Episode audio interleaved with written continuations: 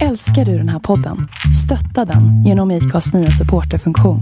Det är helt upp till dig hur mycket du vill bidra med och det finns ingen bindningstid. Klicka på länken i poddbeskrivningen för att visa din uppskattning och stötta podden.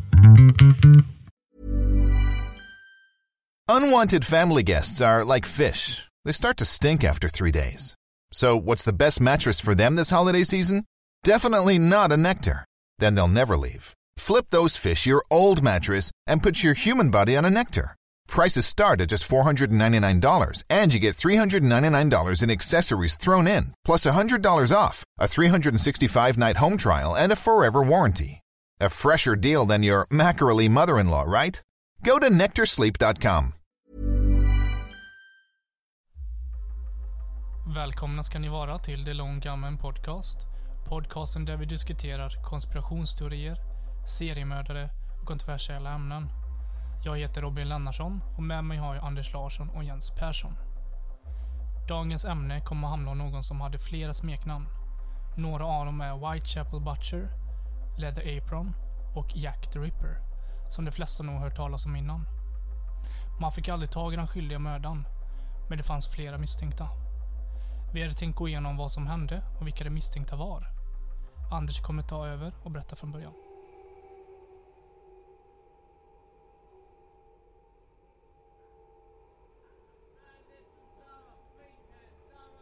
Mitt i natten den 31 augusti 1888 hittades Mary Ann Nichols mördad i området Whitechapel i östra London. Nichols, som tros ha arbetat som en prostituerad, hade blivit skuren i halsen två gånger och fått den lägre delen av magen uppskuren. Nichols var det första av minst fem bekräftade mord av den mystiska förövare som i folkmun har blivit känd som Jack the Ripper. Förmodligen en av de mest omskrivna och omtalade seriemördare någonsin. Men trots en rad misstänkta greps ingen någonsin för mordet. Eh, men vem är han egentligen? Och varför pratar vi fortfarande om han över hundra år senare?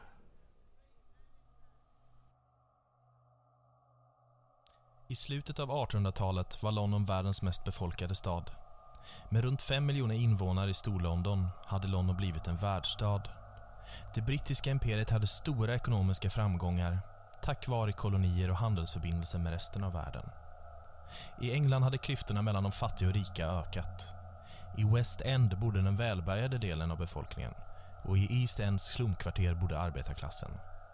Männen hade fysiskt krävande jobb och låna, låga löner och kvinnorna var hemmafruar eller prostituerade. Det var så vardagen såg ut i East End. I Whitechapel, ett av områdena i East End, var misären stor och prostituerade strök omkring på stökiga gator där våld var vardagsmat. Arbetsförhållandena var hemska. Den 31 augusti 1888 inträffade det första mordet. Mary Ann Nichols var Jack the Rippers första offer och därefter gick fyra andra prostituerade kvinnor samma öde till mötes. De kanoniska fem blev Jack the Rippers kända offer. Kanske fanns det flera. Jack the Ripper försvann lika spårlöst som han dök upp i Whitechapel och satte skräck i London, Storbritannien och hela världen. Tog Jack the Ripper sig utomlands? Det finns liknande fall dokumenterade i andra delar av världen. Det finns också en lång lista med misstänkta. Men i det här avsnittet kommer vi att fokusera på ett par av de gärningsmän som vi anser var mest troliga.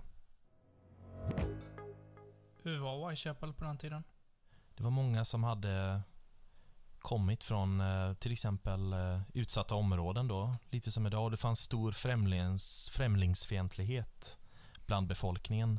Just för att våld och eh, alkoholism och liknande var väldigt problematiskt i området. Dessutom så bodde alla i slumkvarter. Det var gamla hus, det var mycket fukt, mycket mögel, folk blev sjuka. Eh, dessutom så bod, delar man ju ofta hus, en familj kunde bo, det kunde vara en fembarnsfamilj kunde dela liksom en väldigt liten våning då. Det var också så att eh, många, många fick, eh, fick ju inte jobb alls. Kvinnor till exempel kunde, hade ingen möjlighet att vara hemmafru för de var tvungna att försörja sig själva. Och då fick de ju ta till prostitution. Och de fick ju sälja sina kroppar för män som söp sig fulla på kvällarna efter tunga jobb. Eh, det här var ju män som var väldigt påverkade av både droger och alkohol. Och de här kvinnorna blev förstås väldigt dåligt behandlade. Så det var en fruktansvärt jobbig situation och resten av London och England de eh, gick med att klyftorna var så stora så struntade ju till exempel de som bodde i West End brydde sig inte om East End. Utan de såg det som ett stort problemområde som man inte rörde vid med, eh, inte ens med pincett så att säga. Så det var, det var ett väldigt problematisk tid. Och det var för den stora eh, befolkningsökningen då som det hade blivit på det här viset. Hur var brottsligheten? Det rådde en eh, hög brottslighet i Whitechapel vid den här tiden. Så pass hög faktiskt att polisen var rädda för att patrullera i området. Och värt att tillägga så var det här eh, innan ens morden hade börjat som polisen var rädda för att vistas i området. Och eh, de så kallade Whitechapel-morden började den eh, 3 april 1888. Och ja förlåt, men då var det faktiskt inte ett mord allra första, men det var en kvinna vid namn Emma Smith som blev attackerad av tre män som rånade henne och förde in ett vasst föremål i hennes underliv. Innan hon avled på sjukhuset hann hon beskriva eh, två förövarna som eh, två förövarna som sjaskiga och den tredje som en tonåring. Efter Smith överfalls Martha Tabran men till skillnad från Smith så överlevdes inte, överlevde inte Tabran. Och hon blev utsatt för 39 knivhugg. Smith och Tabran tillhör eh, 11 andra kvinnor som tragiskt nog mördades vid den här tidpunkten och förblir, förblir olösta än idag. Ehm, men bara fem av de här eh, Whitechapel-morden som de kallas eh, är endast kopplade till Jack Tripper faktiskt. De morden som kännetecknade Jack Tripper det var att han hade skurit dem från vänster till höger sida i halsen. Han hade skurit upp eh, den lägre delen av eh, deras magar och tagit ut deras organ. Han hade huggit dem i ansiktet och underlivet dessutom. Vilka var offren? Det första av de här morden som var kopplade till, kopplade till Jack Tripper var ju som sagt Marianne Nichols då. då eh, som mördades i slutet av augusti 1888. Eh, det mordet var väldigt brutalt. Ehm, hon saknade inga organ dock. Det gjorde däremot eh, Annie Chapman som mördades bara cirka någon vecka senare tror jag. Eh, hon saknade sin livmoder. Och eh, ett vittne tror sig ha sett Chapman vandra med en mörkhårig man som var sjaskigt klädd kort innan hon hittades död. Om det här var Jack Dripper då, det, det vet de inte. Och eh, offer nummer tre, Elisabeth Stride, eller Elisabeth Gustavsdotter som hon hette när hon föddes i Torslanda i Sverige. Eh, hon hade inga magskador, så eh, det får de att bli osäkra på om hon var ett offer för Jack the Ripper eller någon copycat eller någon, någon annan, någon annan mördare. Däremot var hon skuren från vänster, i halsen från vänster till höger sida. Så de tror antingen att eh, hon som sagt inte var ett offer för Jack the Ripper eller att han blev avbruten eh, under mordet och inte hann ta ja, organen i magen då, som han ville göra. Något som talar för att det var samma gärningsman det var att bara dagen efter sittades offer nummer fyra. Eh, hon hette eh, Catherine eh, Eddowes. Och ehm, där så hade han tagit njuren och en stor del av livmodern. Så det kan ju betyda att eh, han hade tänkt att göra samma sak med Elisabeth då, men eh, eftersom han var avbruten då så bestämde han sig för att göra det med Eddows istället. Och slutligen så hade vi Mary Jane Kelly. Och det var det allra brutalaste mordet av dem alla. Ehm, och jag rekommenderar ingen att googla hennes namn för, eh, för ni kommer inte vilja se bilderna de tog på henne. Men hon var i alla fall eh, väldigt brutalt mördad. Eh, hon, hade, hon saknade alla organ, eller förlåt mig, alla organ var utplockade ur hennes mage. Och hennes hjärta var enda som saknades dock. Hon hade väldigt många knivhugg, ända ner till ryggraden och många knivhugg i ansiktet. Och det var väl hon som hade mördats där inne i någon byggnad. Han hade liksom eh, attackerat, eller han hade eh, skur, skurit och eh, skurit i hennes kropp i, i fred så att säga, inne i ett hus. De hade gått in tillsammans. Hon var ju prostituerad så de har ju gått han var, de trodde ju förmodligen att han var en kund. Ja, klient. precis. Hon, hon blev hittad i en säng. Ja. Så han kunde ju verka helt ostört där i, i det var ju inte ute på gatan. Nej. Och hon var väl den enda av offren som blev utsatta för det här. Mm. Och så är det som eh, de hittade på det här sättet. De andra var väl på gatan. Det känns ju som det trappades upp väldigt mycket också. Att de första, första offret var ju inte så skadad i jämförelse med de senare. Och sen var han ganska metodisk också. Så jag vet att det finns lite olika teorier. Vissa tror ju att det är en um, kvacksalvare, alltså en slags låtsasdoktor kan man väl säga, som hade kommit från USA, som hette Tumblety. Och han hade enligt uppgifter då en stor samling med eh, eh, kvinnodelar hemma, alltså i sin... Ja, li livmodrar. Livmodrar till och med. Och, um, och det kan ju vara så att den här mördaren plockar med sig de här delarna då. Och han då kanske plockar med sig till sin samling hemma då.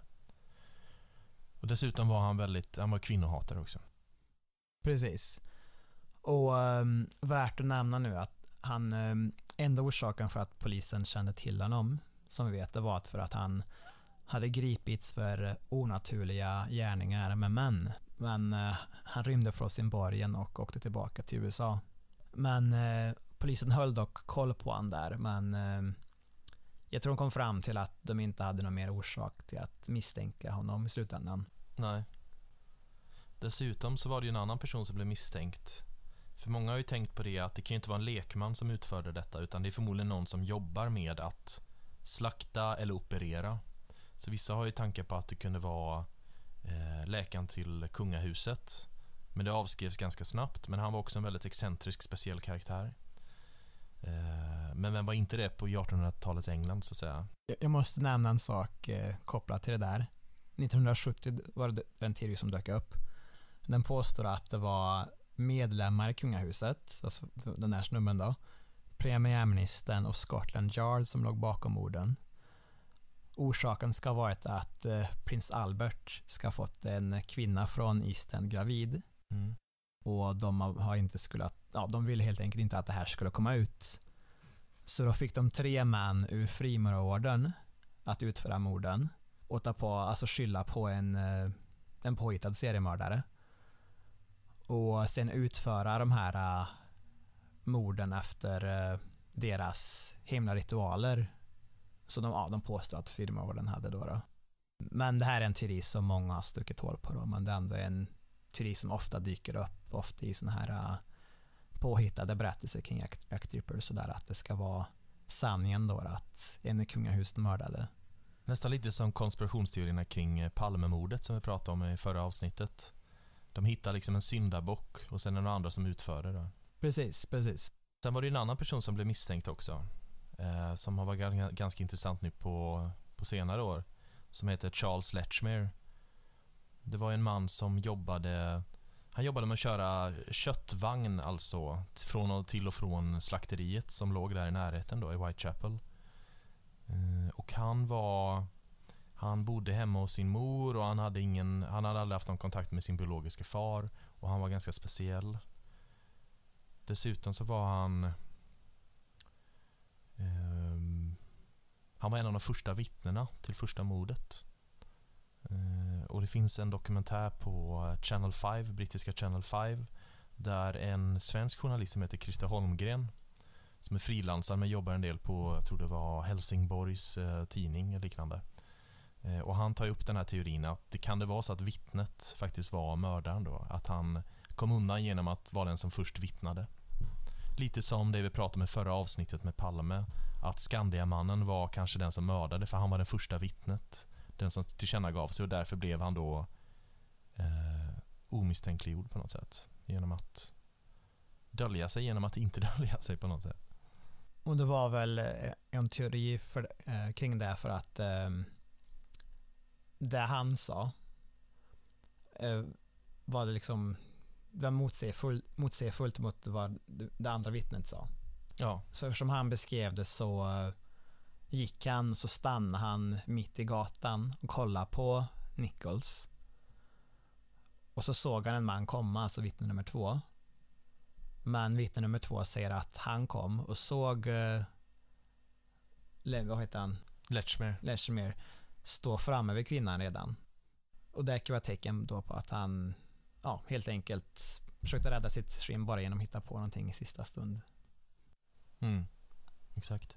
Och sen om man tittar på den här dokumentären så får man också se en de visualiserar hur det ser ut på brottsplatsen och de säger det är omöjligt att mördaren kunde fly för det kom poliser från vardera håll som var ute och patrullerade, två poliser. Och de enda som befann sig här var ju den här Letchmer och den andra mannen. Och Letchmer var den enda som befann sig inne på den gatan. Och anledningen till att han verkade just där, det var för att det var undanskymt liksom. Att det var, det var inte så lätt, det var inte så många som passerade där. Det var därför han var där. Men det är också det som var det farliga med att han genomförde brottet där. Och sen på de senare morden, då ser man ju att han plötsligt går från att vara på sådana, till exempel sista mordet, då väljer han ju faktiskt att gå in i ett hus. Där kan ju också bli påkommen, men där är han i alla fall inte i en situation där någon kanske kommer in på samma sätt. För om det är någon som är prostituerad, då kanske sista någon gör är ju att ta sig in när någon faktiskt har, har samlag där inne. Eller ja, det är dålig stil i alla fall. Så. Ja, exakt, exakt det är det. Men han är väl en av de eh, mer, eh, alltså misstänkta gärningsmännen de diskuterar nu på senare år. Ja. Och det är, eh, ska vi se, jag tror jag tre andra jag tänker på också som de, de nämner mycket på senare år. Han heter Walter Sickert. Och han pickades ut av författaren Patricia Cornwall i en bok från början av 2000-talet. I den boken var hon tvärsäker på att han var mördaren. Hon menar att eh, på grund av att han var impotent så hade han ett starkt hat mot kvinnor. Och eh, man ska kunna se det här hatet och hans bekännelser i hans eh, tavlor för han var en konstnär. Ehm, en tavla var väldigt lik eh, mordplatsen eh, från eh, Kelly, det sista mordet. Ehm, för det finns, ja, kortet på Kelly från brottsplatsen, då ser man henne ligga i en säng mördad då. då. Och en av hans tavlor visar just en kvinna som ligger mördad i en säng med en person som sitter i sängen jämte henne. Och menade också att det fanns andra saker som talade för hans, ja, för hans erkännande i hans tavlor. Sen använder han även samma brevpapper som mördaren ska ha använt. Och så menar hon att DNA-test menar att eh, det matchar honom. Men eh, det finns mycket, många som tar emot han som gärningsman. De menar att eh, de här breven var ganska vanliga på den här tiden. Så kan, ja, jag menar han, han, kan, han använde sådana brev, precis som de breven de fick som påstods ha varit från Jack Dripper då. Men det använde även många andra. Och dessutom så tror de inte att något av breven faktiskt var från Jack Dripper. De tror att eh, själva brevet som eh, ja, som eh, ja, var underskrivet i Jack Dripper, där han liksom namnet kom ifrån. En polis sa i sin självbiografi typ 30 år senare att det var en journalist som bara hittade på det här Jack the Ripper-namnet och det här brevet. Och sen skickade, för de skickade brevet till eh, en nyhetsagentur och inte till eh, polisen. Och just att de skickade till en agentur och inte till tidningen direkt tyder på att det var någon person som visste hur tidningarna arbetade, att den skulle få mycket spridning om man skickade dit. Dessutom tror jag de skickade med sig, var det inte typ någon lever eller någonting som senare visade sig vara typ en grislever? Det var ingen människa och de dubbelkollade det. Ja, precis. Det var ett annat brev. Dear, ja, jag vet. Dear Boss tror jag det heter. Det spelar, det spelar ingen roll. Men eh, de var i alla fall osäkra på att det brevet också, de tror inte att det var för mördaren. Det tror de inte. Eh, om det var för en gris, det vet jag tyvärr inte, men det skulle inte förvåna mig. Men jag menar att det var påhittat bara. De tvivlar på äktheten. Och sen andra saker som tar emot säkert, det var att de tvekar nu om han verkligen var impotent. För de säger att han hade många otrohetsaffärer och ett barn till och med. Och sen det här DNA-testet. det var, liksom, det var ganska, det var inget så definitivt matchande DNA-test. Det menar bara att han var en del av en, en större grupp som det kunde ha matchat. Det kan vara många andra som tillhört den här gruppen. Det här är egentligen likadant med Aaron Kominski. Det kanske är den personen som nämns mest idag som den äh, ja, gärningsmannen.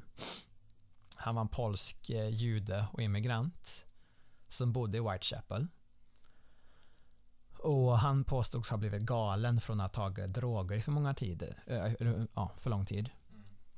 Och han påstods ha ett starkt hat mot kvinnor. Och speciellt de som var prostituerade. Och även var väldigt mordisk.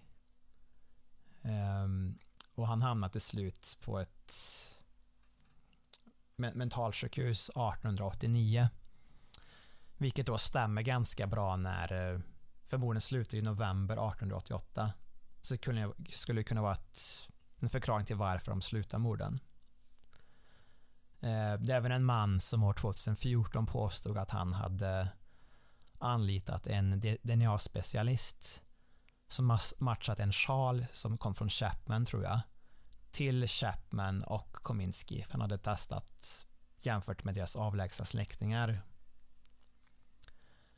Um, sen är det även ehm, en polis som sa att det var en person som visste att det var Chapman som hade sett honom på mordsplatsen men att han inte ville definitivt peka ut honom för de båda var judar.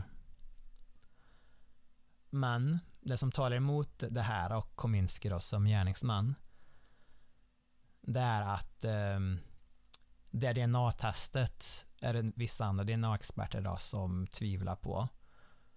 För de menar att precis som det tidigare DNA-testet så är det ju inte så specifikt. Det är ju så länge sedan och vet ju inte, inte specif- alltså exakt vad är Kominskis exakta DNA-profil. Eh, det, är, det är ju så många som har tagit den här sjalen sen det här eh, hände. Eh, så de borde inte lita på det. Sen eh, även de som talar emot den här eh, histori historien då om att en annan jude inte ska vilja peka ut Kosminski. Uh, för ja, någon annan som säger att det har det verkligen polisen sagt det? De vet inte. Uh, något som är intressant också även för oss i, i modern tid är att uh, den före detta FBI um, agenten Jack Douglas tror inte på Kos Kosminski som en gärningsman. Och Jack Douglas, för ni som inte vet, uh, vet du Jens förresten? Nej, jag har aldrig hört faktiskt. Um, han som uh, ligger som inspirationen för uh, Mindhunter som sänd på Netflix nu. Han, uh, Holden då, som huvudpersonen heter i Mindhunter, det är alltså Jack Douglas alter ego. Okej. Okay. Uh, det finns även um, jag kommer inte ihåg vad karaktären heter nu, men eh, In i lammen tystnar, Jodie Fosters chef, även eh, Douglas är fall alter egot honom och ja, i flera andra filmer är han med.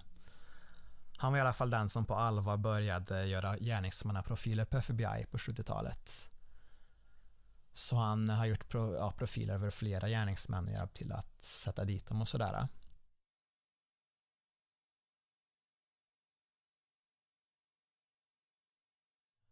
Douglas tror då inte att eh, Kosminski har gjort någon, ja, begått något av morden.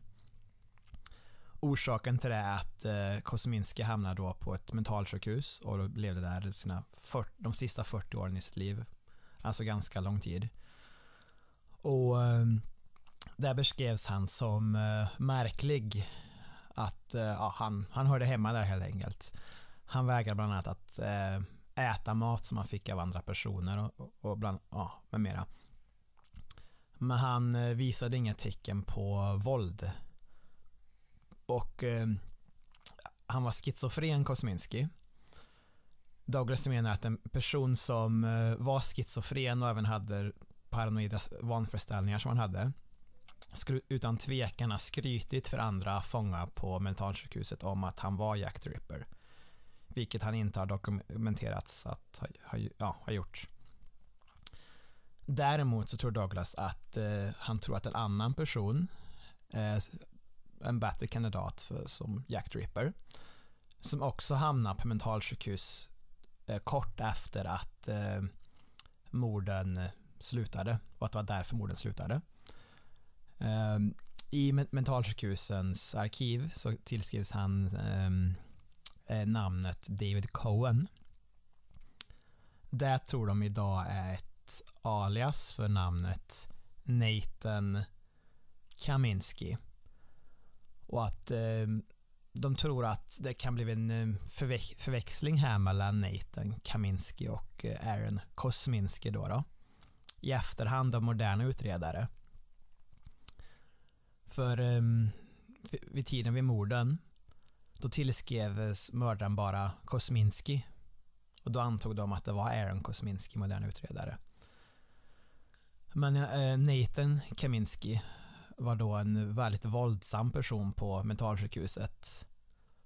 Han fick till och med bindas då och uh, han var ständigt våldsam, alltså ett problem för dem. Och Douglas tror att eh, det är mycket större, större chans att en person som Kaminski skulle kunna ha gjort något, något liknande. Men han vet som sagt inte.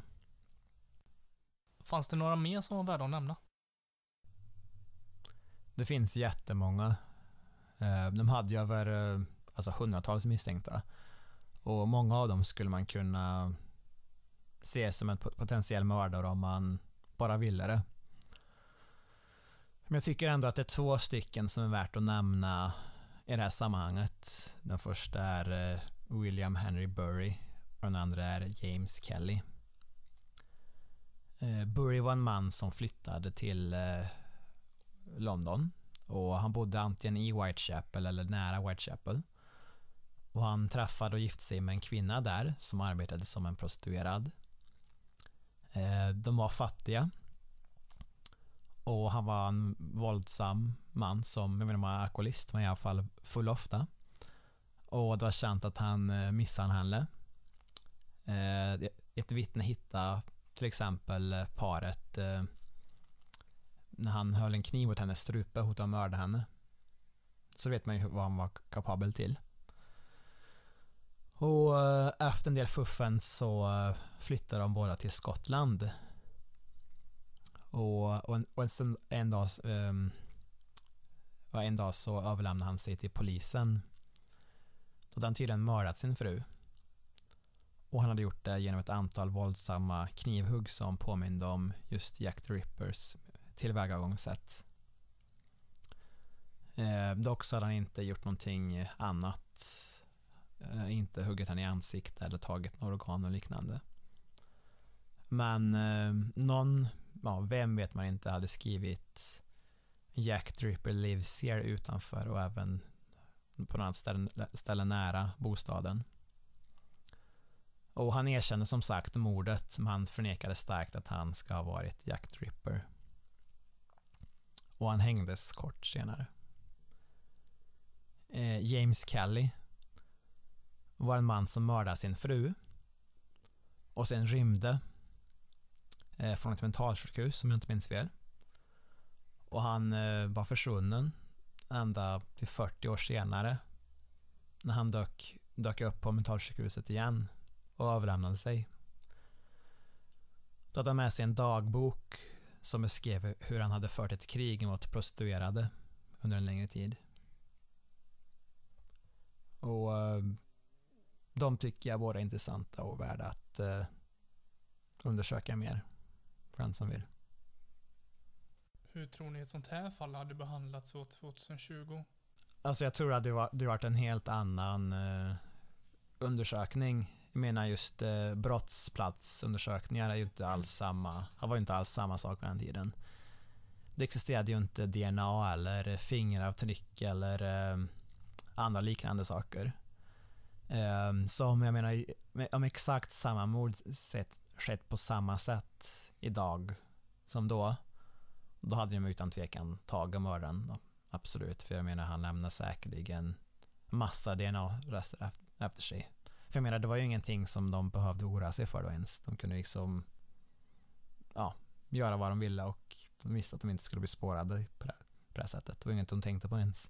Han är väl den första kända, i världen kända seriemördaren också, så jag tror nog att man hade liksom kartlagt hans beteende mer. Alltså vad slår han till härnäst? Och då har de satt in, gjort, satt in insatser för att komma åt honom på ett annat sätt också. Det hade sett helt annorlunda ut idag. Men man drog väl lärdom av det. Mm. För jag menar, en person som John Douglas eller liknande fanns ju inte då. Så då hade ju någon eh, gjort en gärningsmannaprofil då. Och eh, ja, kartlagt, eh, kanske en geografisk profil, det var där de gjorde kanske. Att det var, det var ju Whitechapel men inte så mycket mer än så. Och sen kanske tänkt mer än så vem han var, hans uppväxt och sådana där saker. Skulle jag tro. Någon, något annat som är värt att nämna är ju också att på den tiden så de hade ju först och främst inte teknologin till att se fingeravtryck eller DNA. Och sen var det ju även att de ville ju inte att, allmän, att kropparna skulle ligga ute, alltså synligt för allmänheten. Så det första de gjorde, det var ju också att bränna kropparna. Så att det var nog ganska lätt att komma undan på den tiden, sjukt nog. Att vara en, en, en seriemördare kanske i det här fallet. Eh, eftersom man inte kan bli spårad, helt enkelt. Nej, jag undrar hur lång tid efter eh, morden de brände kropparna? Eh, för ob obducering var väl... Alltså det var de... omedelbart. Ja. Till exempel det mordet, eh, hon som låg där på gatan. De, eh, hon, de brände dem samma morgon. Okej. Okay. Och obducerade henne och sen brände de henne. Ja, Okej, okay. ja det hade ju varit otänkbart, otänkbart idag ja. Det hade ju inte hänt idag. Nej, absolut inte. Men det intressanta är också, som, som Jens sa, att det här var den första kända seriemördaren. Um, för som, som vi sa tidigare också så tror de ju att uh, namnet Jack the Ripper, att det kommer då från ett brev som uh, de skickade till uh, en nyhetsagentur. som påstod sig komma från Jack the Ripper att han gjort morden polisen trodde ju då vid den tiden att, eh, och även efteråt, att det var en journalist som hade skrivit det här brevet. Så det var väl egentligen här det började, just den här fascinationen i media och eh, hos allmänheten kring seriemördare. Och eh, kändisskapet till följd av det.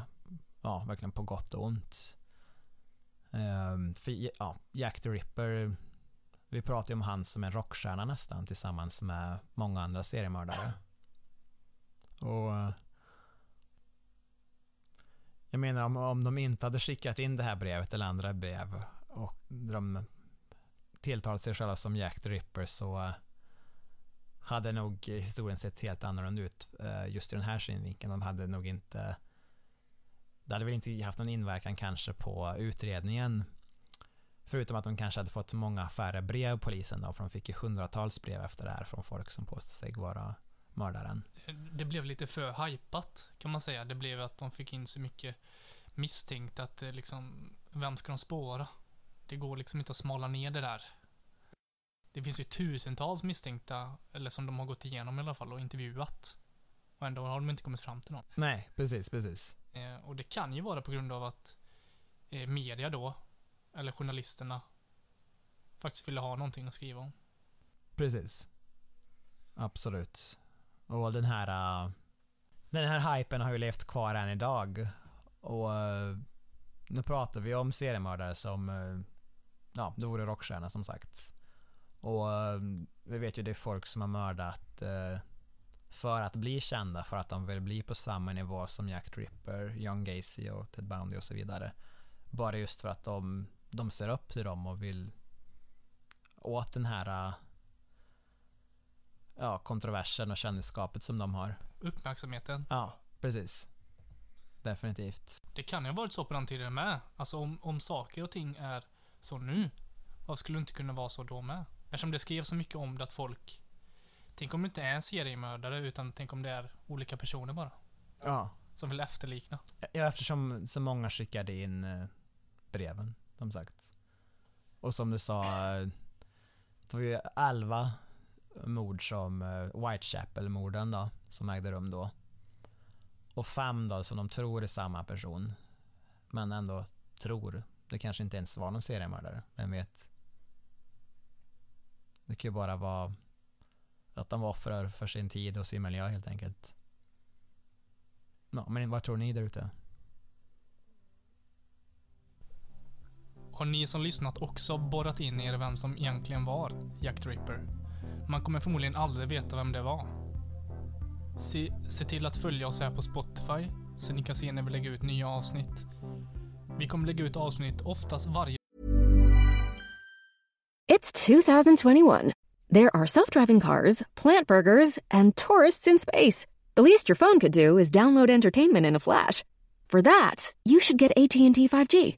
AT&T 5G is fast, reliable, secure, and nationwide. Want to make sure your phone service keeps up with what you need from it? Get AT&T 5G. It's not complicated. 5G requires compatible plan and device. 5G may not be available in your area. See att.com slash 5G for you for details. söndag, men det kan variera innan vi får ett ordentligt schema. Vi kommer även starta ett YouTube-konto där ni jättegärna får följa oss. Där har ni möjligheten att säga vad ni tyckte om avsnitten. Bra eller dåligt, för att förbättra våra avsnitt framöver. Vi som sköter podden heter Robin, Anders och Jens. Vi vill tacka alla som har lyssnat.